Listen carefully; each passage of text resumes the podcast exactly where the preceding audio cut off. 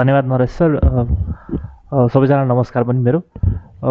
खास अब यो अलिकति यो बुदागत रूपमा मैले आफ्नो कुरा राख्नुभन्दा अलिकति पृष्ठभूमिमा म जान चाहन्छु किनभने फेरि मलाई यहाँ एमसिसीको समर्थनमा बोल्यो अनि यो स्वतन्त्र छैन भन्ने अलिकति लान्छाना पनि लाग्ने गरेको छ होइन?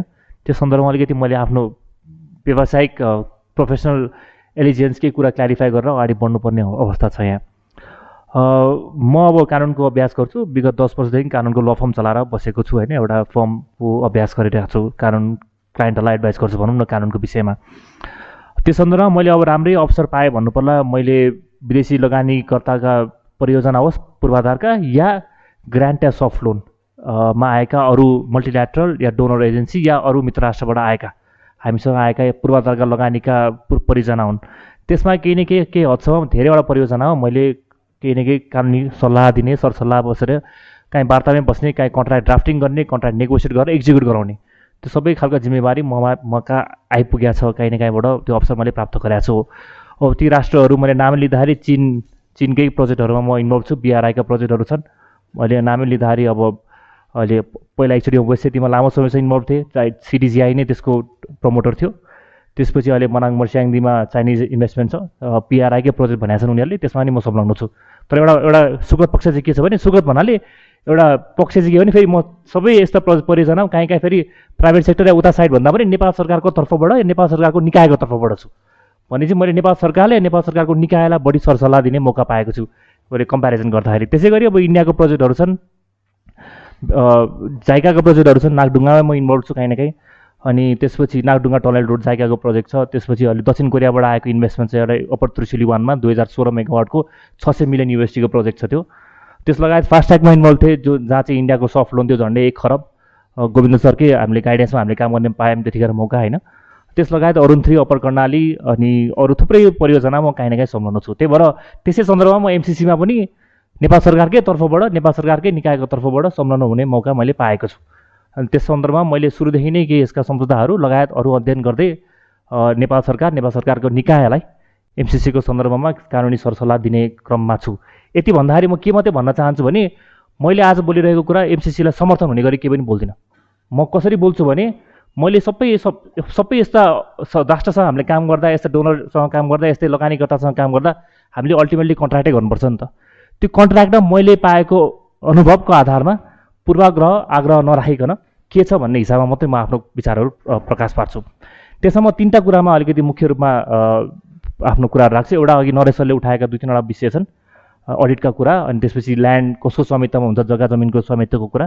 त्यसमा राख्छु र अहिले पछिल्लो समयमा नेकपा माओवादी केन्द्रका अध्यक्षज्यूले प्रचण्डजीले भनिरहेको यो पार्लियामेन्टमा लाने कुरा त पहिला छिटै थिएन नि भन्ने विषय।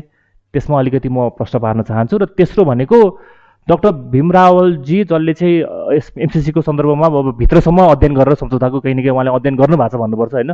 खदिलो रूपमै अध्ययन गर्नुभएको छ। त्यो अध्ययन गरिरहँदाखेरि उहाँ कहाँ जिम्मेवार हुनुपर्छ?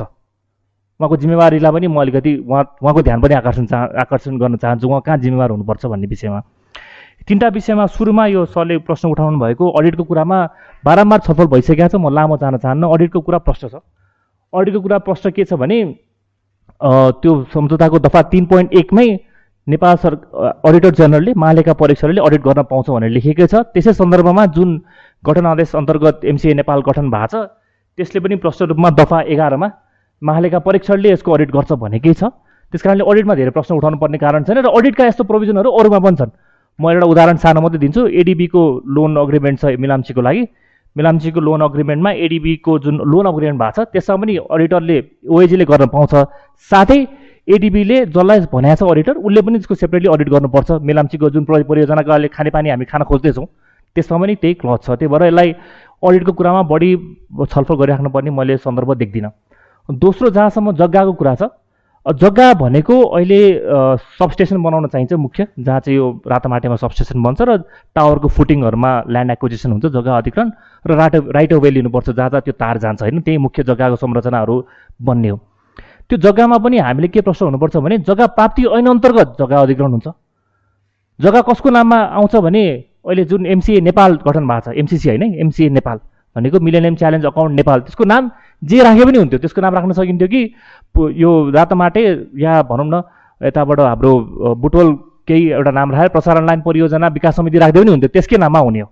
एमसिए नेपालको नाममा आउँछ। पछि एमसिए नेपालले त्यो निर्माण चरण सकिएपछि त्यो परियोजना जुन प्रसारण लाइन बन्छ जसलाई हस्तान्तरण गर्ने हो। अब त्यो एनइए हुनसक्ला त्यो नेपाल सरकार हुनसक्ला आफै। या अब अहिले नयाँ यो ग्रेड कम्पनी खोल्या छ प्रसारण लाइन हेर्ने भनेर सरकारी कम्पनी त्यो हुनसक्छ। त्यहाँ जग्गा हस्तान्तरण हुने हो। त्यसमा दुविधा हुने कुरै छैन। एमसिसीको नाममा त हाम्रो कानुनले जग्गा अधिग्रहण गर्न दिँदैन। देवानी संहितामा प्रष्ट रूपमा विदेशी कसैले पनि जग्गा हाम्रो आफ्नो नाममा राख्न पाउँदैन भनेकै छ। नेपालमा दर्ता नभइकन। एमसिसी त नेपालमा दर्ता छैन नि त। त्यस कारणले जग्गाको कुरामा धेरै छलफल गर्नुपर्ने कारण केही छैन। जहाँसम्म अहिले अहिले अध्यक्ष प्रचण्डजीले उठाउनु भएको विषय छ कि उहाँले के भन्नु भएको छ भने मूल प्रति जब यो दुई हजार सत्रमा यो दस्तखत भयो त्यतिखेर संसदमा लानुपर्ने संसदको अनुमोदन चाहिने भन्ने कुरा थिएन। तर पछिल्लो समयमा जब नयाँ गभर्मेन्ट बने इलेक्सन पश्चात त्यसपछि प्रधानमन्त्री केपी ओली तत्कालीन प्रधानमन्त्री केपी ओली र तत्कालीन अर्थमन्त्री युवराज खतिवडा उहाँले के परिपञ्च गरेर भन्ने शब्द काहीँ काहीँ मैले सुनेको छु उहाँले युज गरेर प्रयोग गरेको। उहाँले यो संसदमा लाने भूमिका खेल्नुभयो र संसदमा लानु पर्यो भन्ने उहाँले उठाइरहनु भएको छ विषय। त्यसमा अलिकति उहाँ अलमलमा पर्नुभयो कि भन्ने जस्तो लाग्छ मलाई प्रचण्डजी आफै होइन? त्यस कारणले त्यसमा अलिकति म प्रश्न पार्न चाहन्छु। हामीले जब दुई हजार सत्रमा यो सम्झौता हस्ताक्षर गऱ्यौँ त्यो हस्ताक्षर मात्रै गरेको। कार्यान्वयन गर्ने गरी कार्यान्वयन भएको छैन सम्झौता अझै पनि सम्पूर्ण रूपमा कार्यान्वयन भएको छैन। हस्ताक्षर गरिसकेपछि हाम्रो ट्रिटी कानुनले या अन्तर्राष्ट्रिय कानुन ट्रिटीका छन् नेपाली कानुन पनि छन् त्यसले के भन्छ भने हस्ताक्षर गरिसकेपछि त्यसलाई कार्यान्वयनमा ल्याउन एन्ट्री इन्टु फोर्स गराउन एउटा कन्टेन्ट चाहिन्छ। त्यसलाई हामीले अङ्ग्रेजीमा expression to be consent to be bound भन्छौँ। Expression of consent to be bound त्यहाँ अब दफा हामीले अहिले त्यसको कम्प्याक्टको सात पोइन्ट एकमा लेखेको पनि शब्द के छ भने पढेरै सुनाउँदा ठिक हुन्छ। यो दफा सात सात पोइन्टमा दुईवटा सेन्टेन्स छ। दुईवटा सेन्टेन्स एउटा सेन्टेन्स बढी छलफलमा आउँछ। त्यो पहिलो सेन्टेन्स पनि इम्पोर्टेन्ट छ क्या यसको। दफा सात सात दफा सात पोइन्ट एकको पहिलो सेन्टेन्स के भन्छ भने the government will proceed in a timely manner to complete all of its domestic requirements for the compact to enter into force आफ्नो घरेलु कानुन बमोजिम जे जे रिक रिक्वायरमेन्ट छ त्यो पुरा गरेर यसलाई एन्ट्री इन्टु फोर्समा लान्छु भनेको छ। भनेको मतलब यो हस्ता अझै पनि एन्ट्री इन्टु फोर्स भएको छैन। हस्ताक्षर भएको एन्ट्री इन्टु फोर्स नभएको सम्झौता हो। र सेकेन्ड सेन्टेन्सले के भन्छ भने parties understand this that this compact upon entry into force will prepare over the domestic laws of Nepal भने दुईवटा सेन्टेन्स छ सँगसँगै आउने।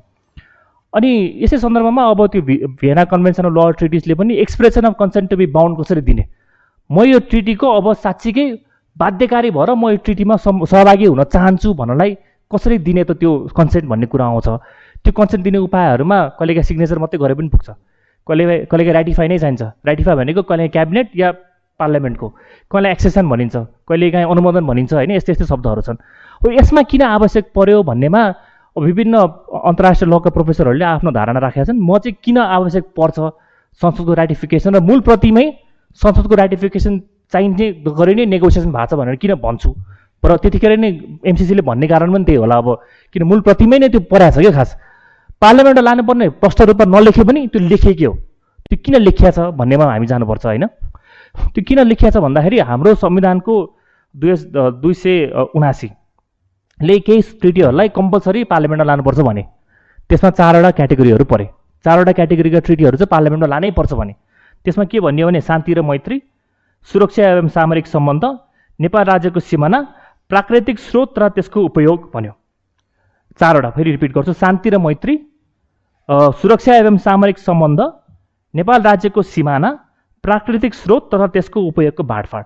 चारवटा वर्गको सन्धि चाहिँ जसरी भने पार्लियामेन्ट लानै पर्छ पार्लियामेन्टको राइटिफिकेसन चाहिन्छ भन्यो। यसमा अझै थप के भन्यो भने यदि त्यो सुरक्षा यदि त्यो चाहिँ सुरक्षा वा सामरिक सम्बन्धको हो भने सेक्युरिटी या अलायन्सको कुरा छ स्ट्राटेजिक खालको छ भने र साथै नेपाल राज्यको सिमाना हेरफेर हुन्छ भने त्यसलाई पार्लियामेन्टको टु थर्स मेजोरिटी चाहियो भन्यो।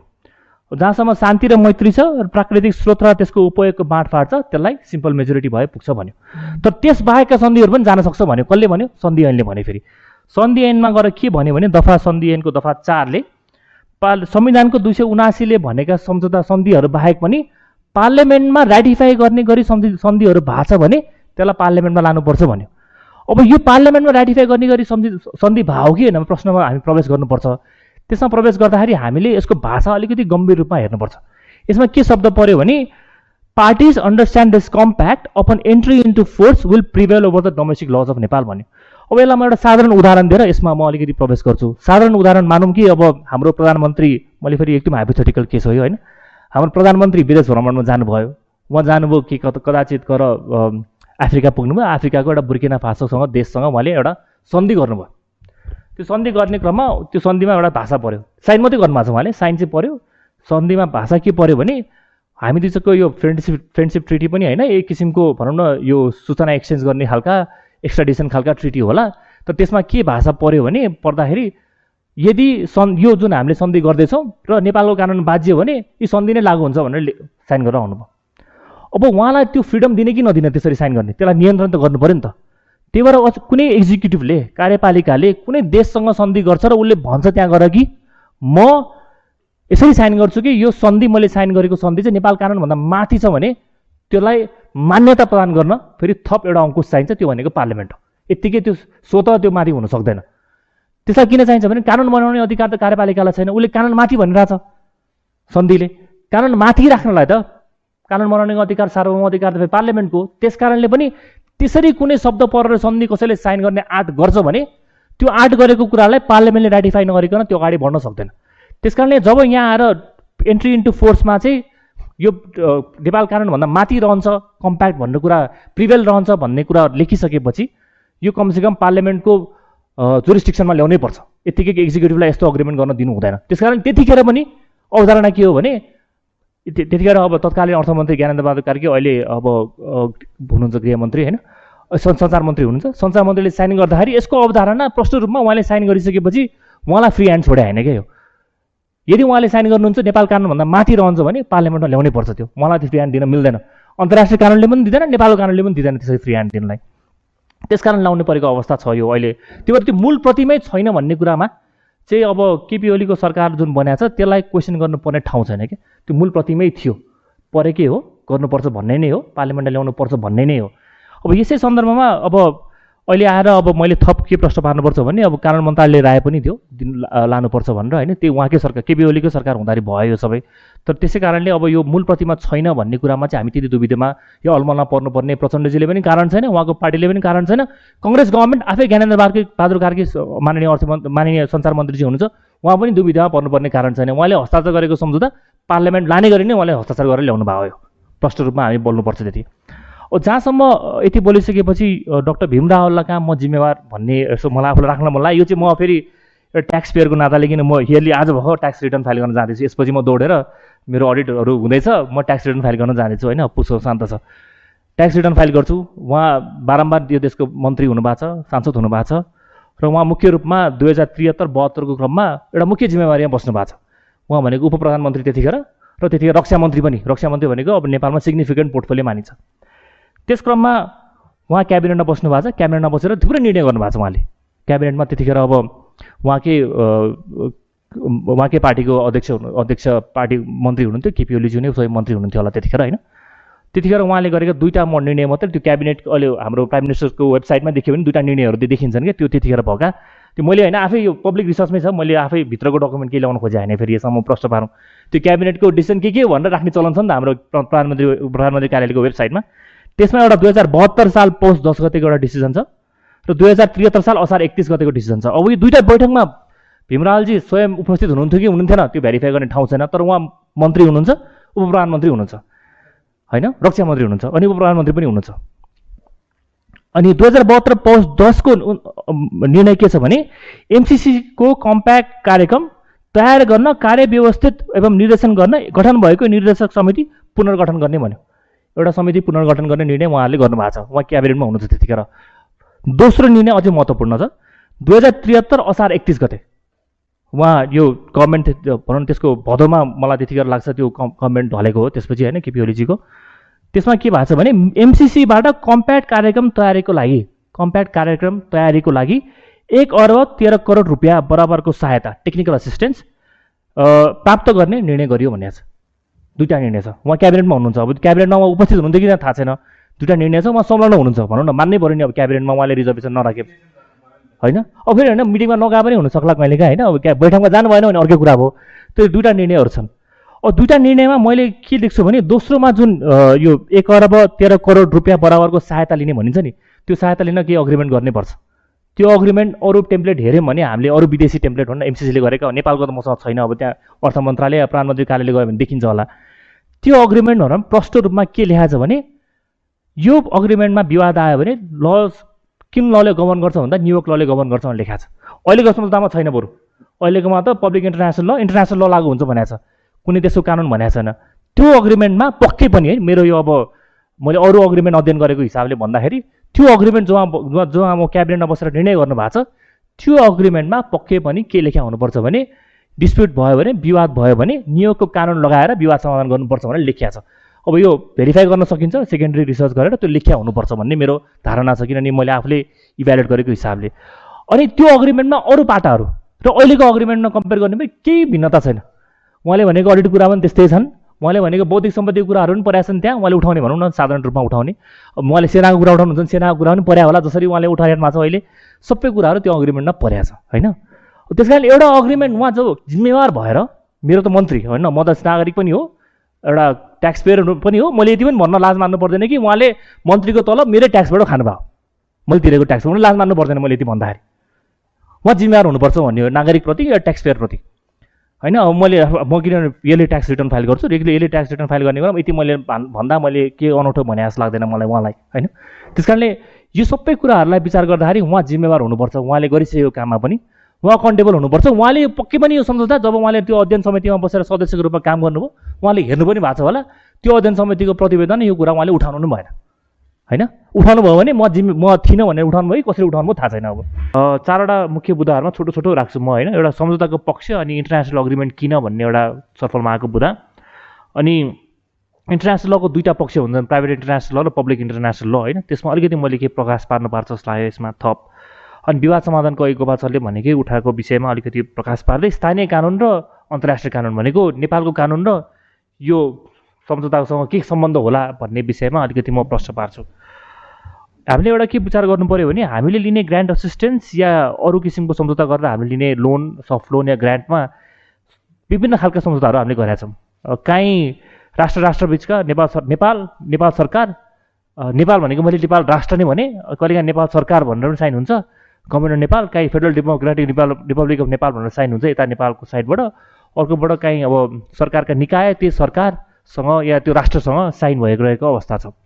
साधारण तरिकाले हेर्दा राष्ट्र राष्ट्रबिच के सम्झौता भएको छ भने चाहिँ त्यसलाई सन्धिकै पारमा राख्नुपर्ने देखिन्छ। किनभने भिएना कन्भेन्सनले पनि त्यही भन्छ दुइटा राष्ट्रबिचकै भइसकेपछि सन्धिमै राख्नुपर्छ। त्यस कारणले पनि हजुरलाई थाहा नै छ टनकपुरको त सन्धि नै मानेर लगियो नि त त्यहाँ। किनभने त्यो अब टनकपुर बनाउन नेपाल सरकार नेपाल र भारतको बिच सम्झौता भएको भन्ने मानियो र त्यसलाई सन्धि नै क्याटेगोरी भनेर पार्लियामेन्ट नै पुऱ्याउनुपर्छ भने पार्लियामेन्ट राटिफाई भयो त्यतिखेर। अब त्यसको सन्दर्भहरू हजुरलाई थाहा नै छ। हामीले गरेका अरू अब जाइकासँग गर्दाखेरि जाइका भन्ने निकायसँग मात्रै गरिन्छ। जापानिज गभर्मेन्टसँग गरिन्न क्या त्यहाँ। अनि त्यसै गरी अब एडिबीसँग गर्दाखेरिको एडिबी त यसै पनि मल्टिलाटर एन्टिटी अनि एडिबीसँग गर्ने खालका सम्झौताहरू पनि खास भने सन्धि नै हुन्। हामीले भन्दाखेरि सन्धि नै भनिन्छ किनभने त्यो एडिबीसँग गरेको अग्रिमेन्ट या वर्ल्ड ब्याङ्कसँग गरेको अग्रिमेन्टमा के भनिन्छ भने यो कान यो अग्रिमेन्टमा विवाद आयो भने विवाद समाधानको गभर्निङ ल चाहिँ इन्टरनेसनल ल नै भन्छ भनेपछि त्यो फेरि सन्धि नै भयो क्याटेगोरी चाहिँ। तर अब कहाँ एक्जिम ब्याङ्कसँग गरिन्छ? एक्जिम ब्याङ्कसँग गऱ्यो भने त्यो सन्धि नहुनसक्छ। किनभने त्यो एउटा कन्ट्र्याक्टको रूपमा गरिन्छ। त्यस कारण विभिन्न खालका नेचरका सन्धि सम्झौताहरू छन् होइन? अब यो अलिकति बेग्लै चाहिँ पृथक चाहिँ कहाँ भयो भने अहिलेसम्म गरेको हामीले सन्धि नै गरे पनि कुनै पनि सन्धि यस्ता खालका पार्लियामेन्ट चाहिँ लगाएको थिएन। यो पहिलो लाँदैछौँ हामी। त्यो अलिकति त्यस कारणले अलिकति पृथक छ त्यसको कारण पनि केही न केही छ यसमा। अब किन यो लानु पर्यो अवस्था आयो भने अहिले हामीले भन्दाखेरि एमसिसीसँग गरेर सम्झौता हुँदै होइन हामीले यसको त्यो माथि प्रस्तावनामा हेऱ्यौँ भने यसको पक्ष नेपाल सरकार पनि होइन नेपालै भनेको छ। भनेको federal democratic republic of Nepal government Nepal पनि भन्यो नि यसले। राष्ट्रै भन्यो। उता अमेरिकी अमेरिका सरकार पनि भन्दैन। अमेरिका भन्छ उसले युनाइटेड स्टेट्स अफ अमेरिका होइन। त्यस अन्तर्गत अब एमसिसी उताबाट पार्टी भएर साइन भएर आयो। यता नेपाल सरकारको तर्फबाट मिनिस्ट्री अफ फाइनेन्सले साइन गर्यो। भनेको मतलब पक्ष चाहिँ खास मिनिस्ट्री अफ फाइनेन्स पनि होइन एमसिसी पनि होइन। यसको पार्टी भनेको अमेरिका र नेपाल हो। स्टेट टु स्टेट अग्रिमेन्ट भएको छ। स्टेट टु स्टेट अग्रिमेन्ट हुने बित्तिकै सन्धिको क्याटेगोरीमा त यसै पनि स्वतः परिहाल्यो अब त्यो स्टेट टु स्टेट अग्रिमेन्ट हुने बित्तिकै।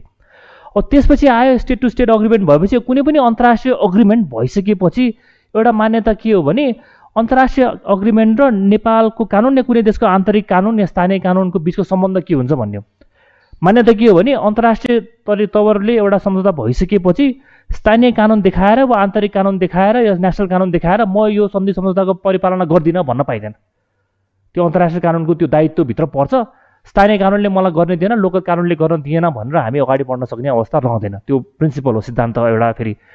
त्यस त्यो फेरि एउटा मैले कानुन अन्तर्राष्ट्रिय सम्झौतालाई मात्रै होइन कुनै पनि सम्झौता गरेपछि भन् भन्न मिल्दैन त्यो त एउटा। एउटा गुड फेथमा सम्झौता गरिसकेपछि मेरो होइन यो कानुनले गर्दा म यो सम्झौता परिपालना गर्न सक्दिनँ भन्न त भन्न साधारण सम्झौता पनि मिल्दैन। त्यो अन्तर्राष्ट्रिय सम्झौता किन नहोस् होइन? अन्तर्राष्ट्रिय सम्झौता भएपछि झन् मिल्दै मिल्दैन। त्यो एउटा साधारण सिद्धान्त भयो। अब हामीले यही यसै सन्दर्भमा के हेर्नुपर्छ भने इन्टरनेसनल ललाई पनि दुईवटा क्याटेगोरीमा राखिन्छ। एउटा पब्लिक इन्टरनेसनल ल भनिन्छ अर्को प्राइभेट इन्टरनेसनल ल भन्छौँ। प्राइभेट इन्टरनेसनल ललाई अमेरिकनहरूले कन्सिडर लज भन्छ। यता कमन ल सिस्टम यता युकेतिर प्राइभेट इन्टरनेसनल ल भनिन्छ। त्यो प्राइभेट इन्टरनेसनल ल भनेको चाहिँ कन्ट्र्याक्ट लको प्रिन्सिपलले गभर्न हुन्छ सबै करार कानुनको प्रिन्सिपलले बढी। र पब्लिक इन्टरनेसनल ल भन्ने बित्तिकै अन्तर्राष्ट्रिय कानुनका सिद्धान्तहरूले गभर्न हुन्छ। हो त्यसमा कस्टमर इन्टरनेसनल ल त्यसमा अब अन्तर्राष्ट्रिय ट्रिटीका कानुनहरू जेनरल प्रिन्सिपल्सहरू सबै लागु हुँदै हुँदै आउँछन् त्यहाँ अनि त्यसमा समग्र रूपमा त्यसरी गभर्न हुँदै जान्छ। अब यसै सन्दर्भमा यदि यदि यो सम्झौतालाई हजुरले गोपाल सरले भने जस्तै सिक्स पोइन्ट फोरले प्रष्ट रूपमा पब्लिक इन्टर इन्टरनेसनल लले गभर्न गर्ने अग्रिमेन्ट हो भनिसकेपछि त्यो इन्टरनेसनल ललाई भनेको यसले प्राइभेट इन्टरनेसनल ल भने होइन। यसले भनेको पब्लिक इन्टरनेसनल ललाई भनेको प्रष्ट रूपमा। यदि पब्लिक इन्टरनेसनल लले गभर्न गर्ने डकुमेन्ट भइसक्यो त्यो सम्झ यसै पनि सन्धि भयो। सन्धि भएपछि त्यसमा विवाद उत्पन्न भयो भने अन्तर्राष्ट्रिय कानुनको मान्य सिद्धान्त के हो भने कुनै पनि विवादको समाधान pacific settlement of international dispute हुन्छ हामी। डिस्प्युट डिस्प्युटको मान्यता कुनै पनि फोर्स लगाएर डिस्प्युट समाधान गर्नु हुँदैन। त्यो अन्तर्राष्ट्रिय कानुनको सिद्धान्त कसैले गर्न पनि सक्दैन त्यो। फोर्स लगाएर गर्नु हुँदैन शक्ति लगाएर गर्नु हुँदैन झगडा गरेर गर्ने होइन। Pacific settlement of international dispute त्यो पेसिफिक सेटलमेन्ट इन्टरनेसनल डिस्प्युटमा विभिन्न प्रकारका माध्यमहरू हुनसक्छ नेगोसिएसन हुन्छ वार्ता हुन्छन् कन्सिलिएसन हुन्छ। त्यसबाट भएन भने एजुडिकेसन हुन्छ। एजुडिकेसनको माध्यम भनेको मध्यस्थ हुन्छ अन्तिममा गएर के गरे विवाद विवाद भएर समाधान हुनु सकेन भने मध्यस्थ नै यसको उपाय। मध्यस्थ गर्ने भनेर कहाँ भनेको दुईवटा पार्टीले यहाँ मध्यस्थ गर्छु भनेको ठाउँमै मध्यस्थ हुने आर्बिट्रेसन जान सक्छ हामी चाह्यो भने दुईवटा पार्टीले होइन हेगमै पनि लान सक्छौँ। पेसिफिक सेटलमेन्टमै जाने हो अरू उपाय छैन। पेसिफिक सेटलमेन्टभित्र मध्यस्थ हुनसक्छ आर्बिट्रेसन हुनसक्छ। भएन भने दुइटै पार्टीले होइन सम्झौता गरेर पनि हामी इन्टरनेसनल कोर्ट अफ जस्टिसमा लान सक्छौँ यो नलाग्न सक्ने होइन। त्यो खालको विवाद आउने खालको विषय देख्दैन मैले चाहिँ पनि किनभने ग्रान्ट हो प्रोजेक्ट बनाउने हो होइन। यस्तो खालको विवाद त आउँदैन भन्ने कल्पना गरौँ त आइहाल्यो भने पनि समाधानको उपायहरू पेसिफिक छन् भन्ने हो। न्युयोर्क स्टेटको कुरा छैन न्युयोर्क स्टेटको कुरा कहाँ हुनसक्छ र थियो भनेर त मैले उदाहरण दिएँ नि त। एमसिसीसँग गरेको अर्को सम्झौता पुरानो पुरानो सम्झौता छ त्यो पुरानो सम्झौता अहिले सकिसक्यो। यसले यसले त ओभरटेक गर्यो नि त्यसलाई त। त्यो पुरानो सम्झौतामा काहीँ न काहीँ अब क्याबिनेटको मिनिस्टर क्याबिनेट पोर्टफोलियोमा बसेर डक्टर भीमरावलज्यू आफै पनि संलग्न हुनुहुन्थ्यो होला। त्यसमा चाहिँ लेखा हुनसक्छ कि? त्यो नियोग कानुन लेखा हुनसक्छ। अब तर त्यो हामीले हेर्न पाएको छैनौँ तर मेरो विचारमा त्यहाँ नियोग कानुनै लेखा हुनुपर्छ होइन? त्यस कारणले त्यस्तो खालको उदाहरणहरू हुनु छ नभए होइन? जस्तै अहिले जाइकासँग भएको अग्रिमेन्ट या युरोपियन इन्भेस्टमेन्ट ब्याङ्कसँग भएका अग्रिमेन्टहरूमा युरोपियन इन्भेस्टमेन्ट ब्याङ्कसँग भएको अग्रिमेन्ट लक्जमबर्ग लेखा हुन्छ सिधै सिधै। अब यता जाइकासँग भएको अग्रिमेन्ट ल जापान लेखा हुन्छ। होइन? अब त्यो किनभने उनीहरूको त त्यो प्राइभेट कन्ट्र्याक्टको रूपमा भइरहेछ नि त सबै सम्झौताहरू यो त प्राइभेटको रूपमा गरिएन कि? यसलाई पब्लिक कन्ट्र्याक्टको रूपमा गरियो। त्यो अलिक त्यो अलिक फरक छ यो। अनि यसै सन्दर्भमा डिस्प्युट रिजोल्युसनको कुरा मैले राखिहालेँ। अनि अर्को अब हामीले भन्नै पर्ने र नेपाल कानुनसँग जोडिने सम्बन्ध कहाँ भने हामीले अन्तर्राष्ट्रिय स्तरमा कुनै सम्झौता गरिसकेपछि त्यो पार्लियामेन्टले राटिफाई नगरेको अवस्था भनौँ न। पार्लियामेन्ट राटिफाई नगरेका वर्गका पनि छन् त हामीले सन्धि सम्झौताहरू। त्यसलाई पनि त हामीले नेपाल कानुनले दिएन भन्न परिपालना गर्न मिल्दैन क्या? त्यो सन्धिगणले प्रश्न के भन्छ भने दफा नौको एकले र दुई छ दुईवटा यदि पार्लियामेन्टले राटिफाई नगरेका ट्रिटीहरू छन् भने र त्यस्तो त्यस्तो ट्रिटी र नेपालको कानुन र त्यस्तो सन्धि र त्यस्तो सम्झौता अन्तर्राष्ट्रिय स्तरका र नेपालको कानुनमा बिचमा केही असमञ्जसता या या कन्फ्लिक्टिङ प्रोभिजन छ भने नेपालको कानुनै परिवर्तन गर्नुपर्छ भन्छ उसले। त्यो सन्धि सम्झौता परिवर्तन गर्नुपर्छ भन्दैन नि त। होइन। अब भन्नु भन्छ के भने नेपालको कानुनले त्यसलाई अप्ठ्यारो बनाइरहेको छ भने नेपालको कानुन परिवर्तन गर्नुपर्छ भन्यो। पार्लियामेन्टले राटिफाई नगरेका वर्गका ट्रिटी छन् भने। पार्लियामेन्टले राटिफाई गरेका वर्गका ट्रिटी भयो भने एउटा सजिलो पाटो के हो भने नेपालको कानुन परिवर्तन गर्नु परेन। त्यो सम्झौताको जे प्रोभिजन छ त्यसलाई लागू गर्न पाइयो। किनभने पार्लियामेन्टको त ल मेकिङ पावर त छ नि त। अनि पार्लियामेन्टले त्यो ट्रिटीलाई अनुमोदन गरिदिएको मतलब त उसले ल मेकिङ पनि त गरेर आउँदा एट द सेम टाइम त्यस कारणले गर्दा त्यो दुईवटा वर्गका ट्रिटीहरूमा अलिक फरक छन्। यसलाई राख्न खोजेको त्यो पहिलो वर्गमा भरे परेन भनेको पार्लियामेन्टले राटिफाई गरेको ट्रिटीमा राख्न खोजिएन। अर्को वर्ग वर्गमा राख्न खोज्यो। पार्लियामेन्टले राटिफाई नगरेको वर्गमा राख्न खोजिएन। पार्लियामेन्टले राटिफाई गरेको वर्गमा राख्न खोज्यो। त्यसको एउटा दुइटा अब कारण पनि छ होला। अब त्यो कारण हामीले अब एमसिसी एमसिसीले क्यारिफाई पनि गरेको छ त्यो अस्तिको त्यो बुधागत रेस्पोन्सहरूमा होइन? उहाँले के भन्नुहुन्छ भने एउटा त यसलाई ब्रोड ओनरसिप चाहिन्छ। त्यो ब्रोड ओनरसिप पोलिटिकल कारण भनौँ न त्यो। ब्रोड ओनरसिपको लागि पनि मैले यो पार्लियामेन्टको राटिफिकेसन खोजेको भन्छ उसले। दोस्रो एमसिसीले जुन प्रश्न पार्दाखेरि भनिरहेको विषय हामीले पाँच वर्षभित्र यो क्लक स्टार्ट भएको पाँच वर्षभित्र यो ग्रान्ट सकाउनुपर्छ त्यसमा होइन अब नेपालको कानुनले कहीँ अप्ठ्यारो बनायो भने त्यो कानुन परिवर्तनतिर गर्न गयो गयो भने त हामी कहीँ पनि पुग्दैन फेरि ढिलो हुन्छ। त्यो त्यो नगरौँ। यो पाँच पाँच पाँच अरब पाँच अरब जुन आउँदैछ समयमै यसलाई खर्च गर्नुपर्छ र पूर्वाधार बनाउनुपर्छ। त्यस कारणले परिवर्तन यो अग्रिमेन्टमा जे छ त्यही अनुसार बढौँ भन्ने दुईवटा मुख्य उद्देश्य देखिन्छ। र एउटा हामी प्रश्न के हुनुपर्छ भने यसलाई कानुन मन्त्रालयले भन्ने गरेको छ र कानुन मन्त्रालयले भने पनि छ कुनै पनि सन्धि सम्झौता गर्नुभन्दा अगाडि त्यो सन्धि सम्झौता नेपाल कानुनसँग बाजिँदा कि बाजिँदैन हेरिन्छ। अनि कानुन मन्त्रालय जब यो त्यतिखेर जब क्याबिनेटले अप्रुभ गरेर साइन गर्न पठायो पठाएर साइन भयो त्यतिखेर त कानुन मन्त्रालयले सबै हेरेर नेपाल कानुनसँग बाजेको छैन भनेर त अनुमोदन गरेर त्यतिखेर साइन गर्न पठायो नि त यो। त्यसपछि साइन भयो नि त। त्यही भएर अहिलेसम्मको अवस्थामा नेपाल कानुनसँग बाजिएको अवस्था छैन यो। बाजिन गयो कदाचित। बाजिन गयो भने काहीँ यो परियोजना हजुरले भने जस्तै परियोजनासँग सन्दर्भमा लागु हुने जुन कानुन छन् त्यसको हकसम्म जहाँ जहाँ बाजिन्छ बाजिने क्रममा नयाँ कानुन बनाउनु परेन। पाँच वर्षको अवधि छ एउटा टाइम समय सीमा छ। जे सम्झौताले भनेको छ त्यसलाई टेकेर हामी अगाडि बढ्छौँ। त्यति साधारण कुरा भनेको हो। छ छ। अनि हजुरले लास्टमा अहिले अन्तिम जोड्नुपर्ने बारम्बार अब यो नेपाल कानुन भन्दै गर्दा संविधानमाथि चाहिँ भनेको छैन। त्यो एमसिसीले प्रश्न अस्तिको त्यो सा करस्पोन्डेन्समा नि भनेको छ। नेपाल कानुन त फन्डामेन्टल प्रिएमिनेन्स होइन प्यारामाउन्ट लौ नै हुन्थ्यो। कुनै पनि देशको संविधानमाथि कसैको कानुन के हुन्छ भनेर त इन्टरनेसनल लले पनि राख्न दिँदैन होइन। त्यस कारणले अब यो सबै समग्रमा विचार गर्दाखेरि एउटा चाहिँ हामीले अलिकति पृथक खालको सिस्टमबाट यसलाई अगाडि बढाउन खोजेको कारण अब छ होइन। तर त्यसलाई अलिकति असहज रूपमा लिनुपर्ने अवस्था छैन। पार्लियामेन्टले राटिफाई गर्दैमा यो अब यसले ठुलो केही विशाल केही गर्ने होइन होइन। अब त्यस कारणले यति सबैलाई मैले यति नै राखेर अहिले मेरो आफ्नो भनाइहरू टुङ्गाउन चाहन्छु।